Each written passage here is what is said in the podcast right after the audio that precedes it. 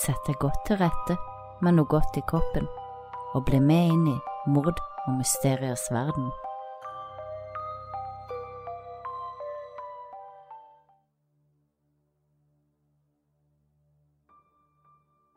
Hvert år forsvinner tusenvis av mennesker, noen frivillig og mange ufrivillig. Ikke alle får svar på hva som skjedde med deres kjære, og i dag får du høre to historier som har vært sitt utfall. Amber Tokoro ble født 3. januar 1989. Som 21-åring var hun blitt mor til en nydelig liten gutt, og hun bodde i Alberta i Canada sammen med sin mor Tutsi.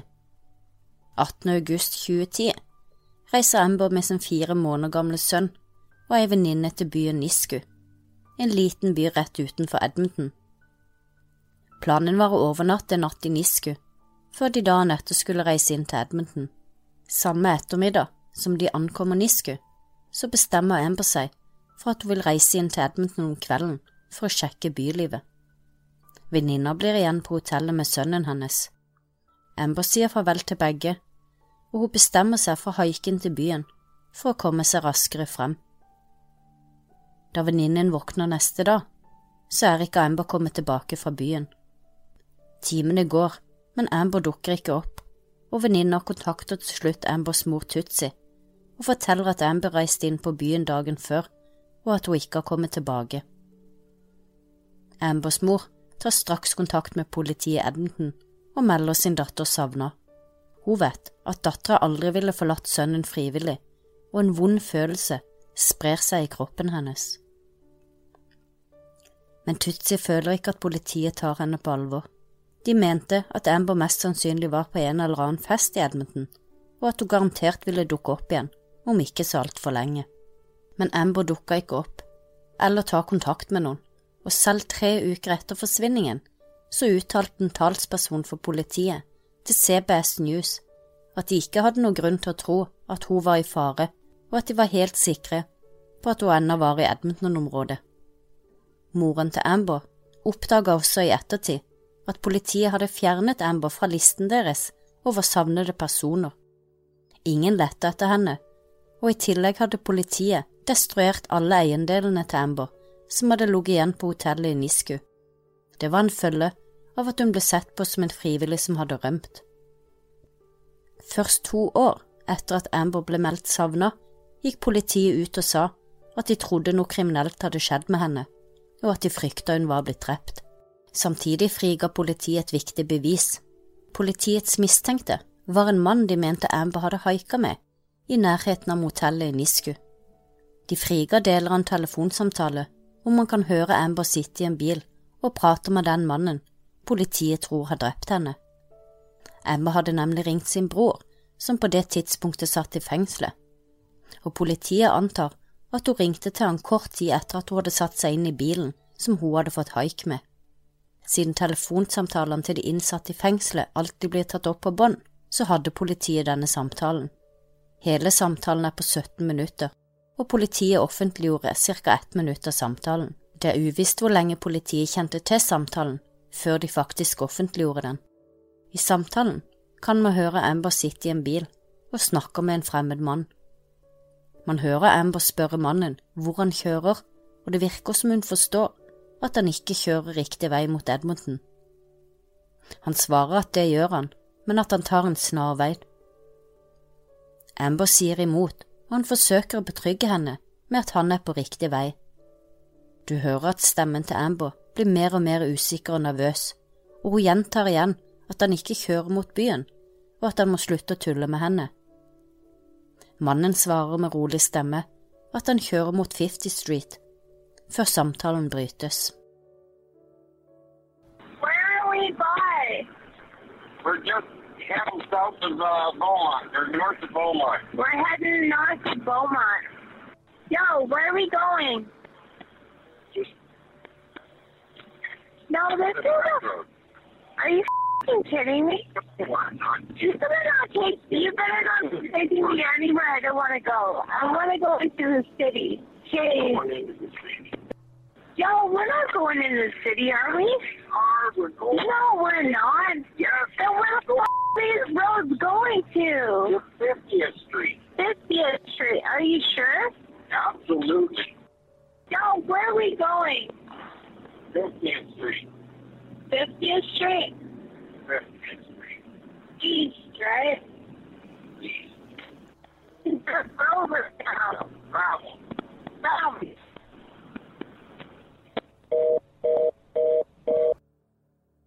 I september 2012, kun to dager etter at politiet har offentliggjort deler av Ambers samtale, i håp om at noen skal kjenne igjen stemmen, finner to ryttere et skjelett på et jorde i nærheten av Leduc-distriktet, som lå i nærheten av Edmonton. Det viste seg å være Amber. Stedet hvor Amber ble funnet, lå i et område sør for motellet de bodde på i Nisku. Det tok akkurat 17 minutter å kjøre fra motellet i Nisku og til der Amber sine levninger ble funnet. Cirka like lenge som samtalen med broren i fengselet hadde vart. På grunn av likets tilstand klarte de ikke å finne ut hvordan Amber ble drept.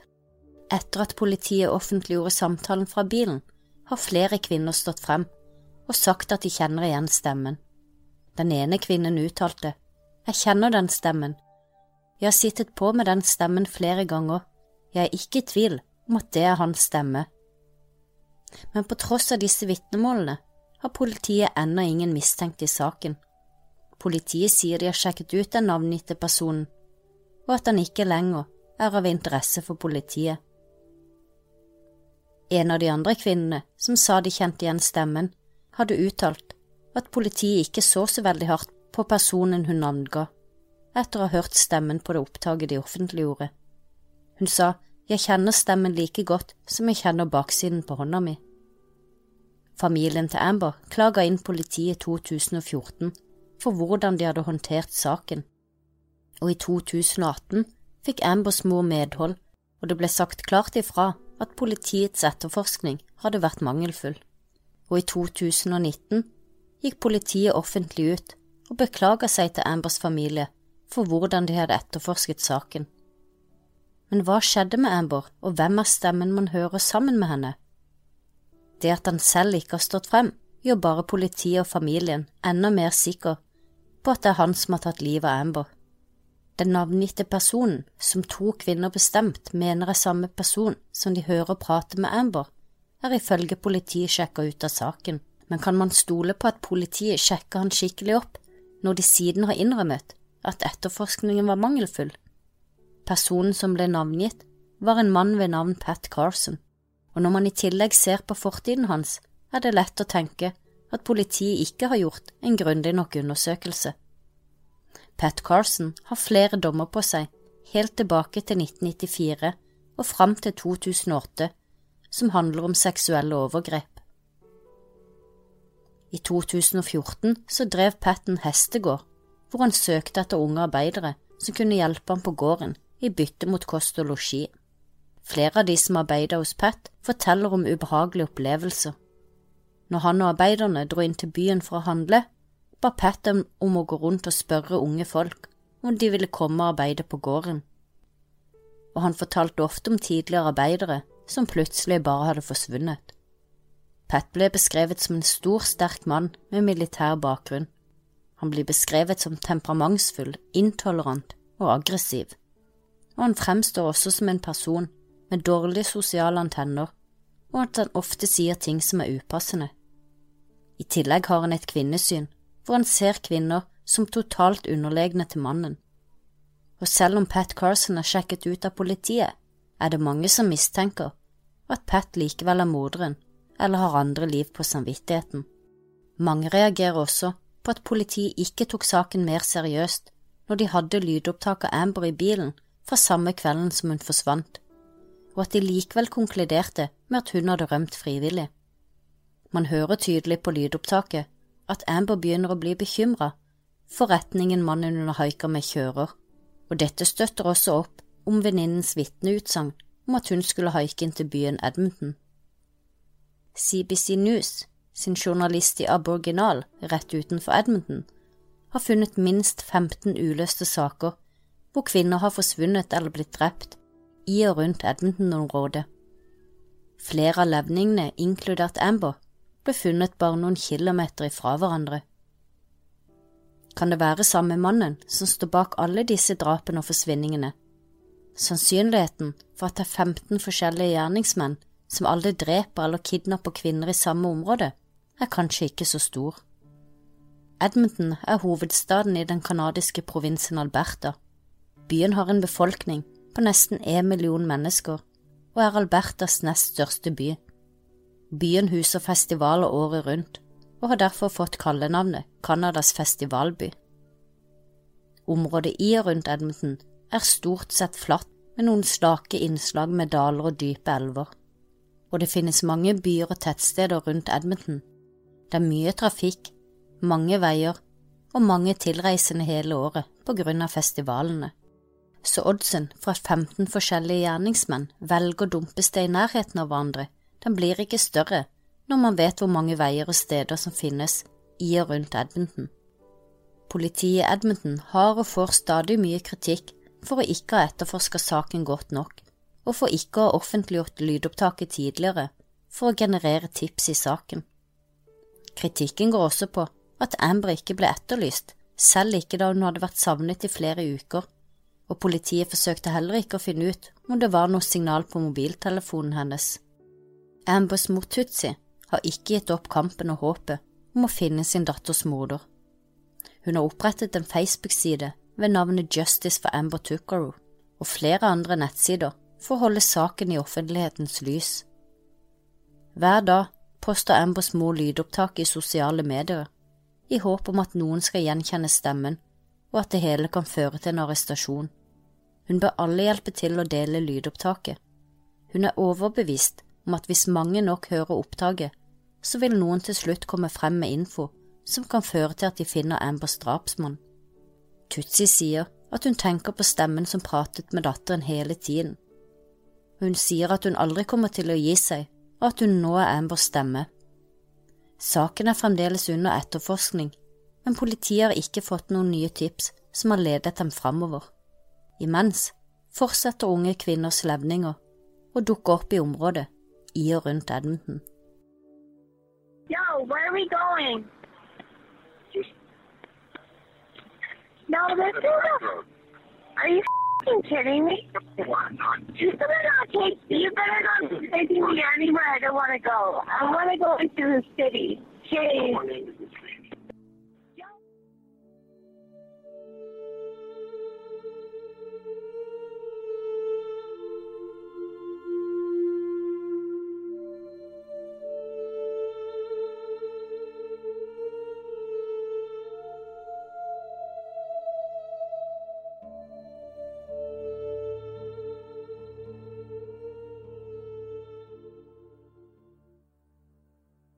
Det var oktober 1999, da lille Julia på fire år og hennes far Viktor tok toget fra en liten by i Belarus til nabobyen, en togtur som ikke tok mer enn en halvtime.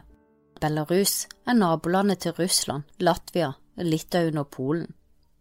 Faren til Julia tok seg en drink på toget og sovna, men da han våkna, var han dekket av blod, og hans lille datter Julia var borte. Det ble straks satt i gang en stor leteaksjon men Julia var ikke å finne noe sted.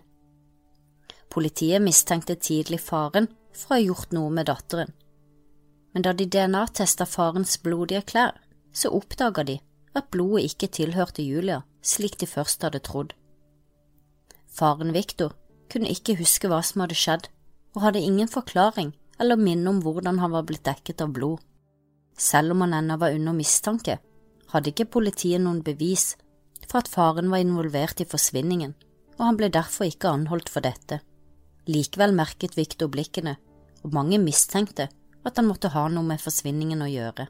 Politiet fortsatte letingen etter Julia, uten resultat, og hennes mor Luda hang opp savnede plakater av datteren på togstasjonen i området, i håp om at noen hadde sett hennes datter Julia. Men Julia var borte.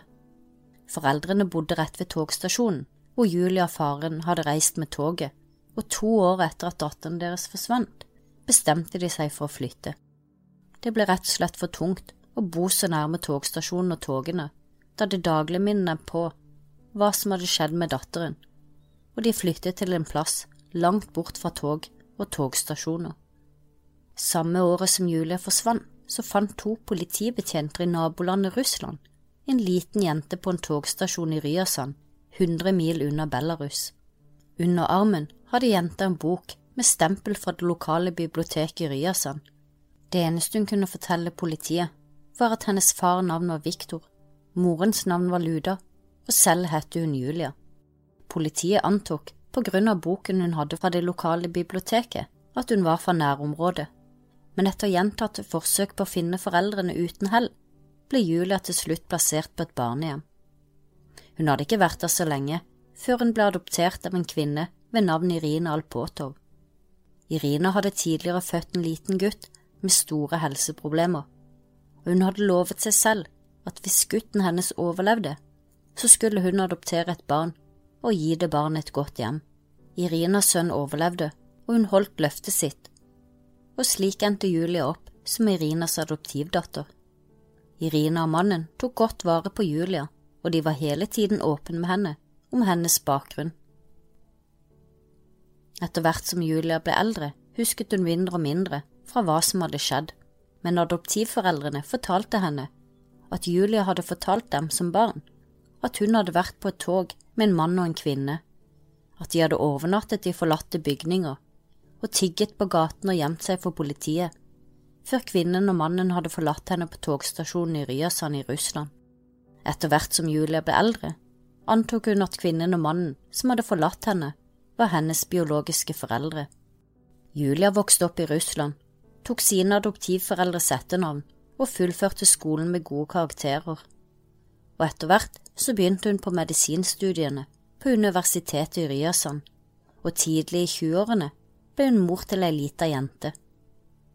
Julia levde et godt liv og hadde en god barndom, og hun bodde sammen med sin datter og kjæresten Ilja Krukov. Men etter at Julia selv ble mor, kjente hun mer og mer på følelsen over at foreldrene bare hadde forlatt henne. Hun hadde vanskelig for å forstå hvordan de kunne gjøre det, og hun kjente sterkt på følelsen av å være uønsket, noe hun syntes var vanskelig å takle. Julia hadde gjort noen søk på internett i håp om å finne ut hvem foreldrene var, uten at hun hadde lyktes. Men en kveld hun satt og pratet med kjæresten sin Ilja om de vonde følelsene, så reiste han seg og gikk bort til datamaskinen. Han åpnet Google og tasta inn søkeordene jente fire år, savnet. Flere artikler dukka opp, og han begynte å lese. Til slutt så fant han en artikkel fra nabolandet Belarus som handlet om en jente ved navn Julia, som hadde forsvunnet på en togtur samme året som Julia hadde blitt funnet i Russland. Selv om det var hundre mil unna hvor hans Julia ble funnet, var det så mange ting i artikkelen som passet til hennes historie, at han valgte å kontakte politiet i Belarus i håp om å få informasjon om foreldrene til jenter som hadde forsvunnet. Politiet i Belarus overleverte både bilde og kontaktinformasjon til det som skulle vise seg å være Julias biologiske foreldre. Opprømt tok Julia kontakt med Viktor og Luda, og ganske snart ble det arrangert et møte og en DNA-test ble utført av politiet, som bekreftet at Julia var Viktor og Luda sin datter. Etter 18 smertefulle år ble endelig Viktor og Luda gjenforent med sin kjære datter. Moren til Julia gråt av glede, og selv om Julia nå var en voksen kvinne, plasserte moren henne på fanget og vogget henne som den lille fire år gamle jenta hun var den dagen hun forsvant. Luda uttrykte også sterk takknemlighet til Irina for å ha tatt godt vare på datteren hennes i alle disse årene. De var også overbegeistret da de fant ut at de også var besteforeldre til Julias lille datter. Ingen vet hvem som kidnappa Julia, eller hva som skjedde på toget, men siden hun hadde blitt fraktet til Russland, hundre mil unna der hun og pappaen hadde tatt toget, ble hun aldri funnet som barn. Ingen hadde tenkt tanken at hun kunne ha blitt fraktet så langt bort fra Belarus, og politiet i Russland hadde på grunn av boken fra biblioteket som Julia hadde under armen, aldri tenkt at hun var fra et annet sted enn Ryasand-området. Julia, som selv hadde forsøkt å søke på internett etter foreldrene sine, hadde også kun konsentrert seg om å søke i området hvor hun hadde vokst opp med adoptivforeldrene. I dag bor Julia i Russland, hvor hun arbeider og bor med sin datter og kjæreste. Men hun har god kontakt med sine biologiske foreldre, og de tekster hverandre hver dag og møtes så ofte de kan. Historien fikk til slutt et svar, og det viser bare at man skal aldri gi opp å lete etter savnede personer, for man vet aldri sikkert før man faktisk finner dem, om de er døde eller levende, og ingenting er verre enn å leve i uvissheten.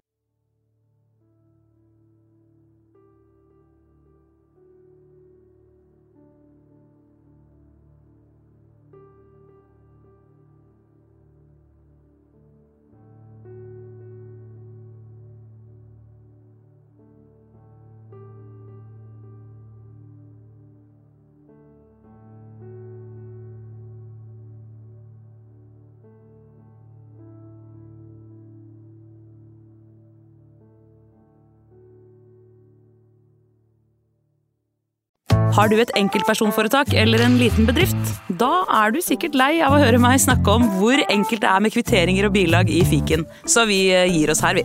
Fordi vi liker enkelt. Fiken superenkelt regnskap.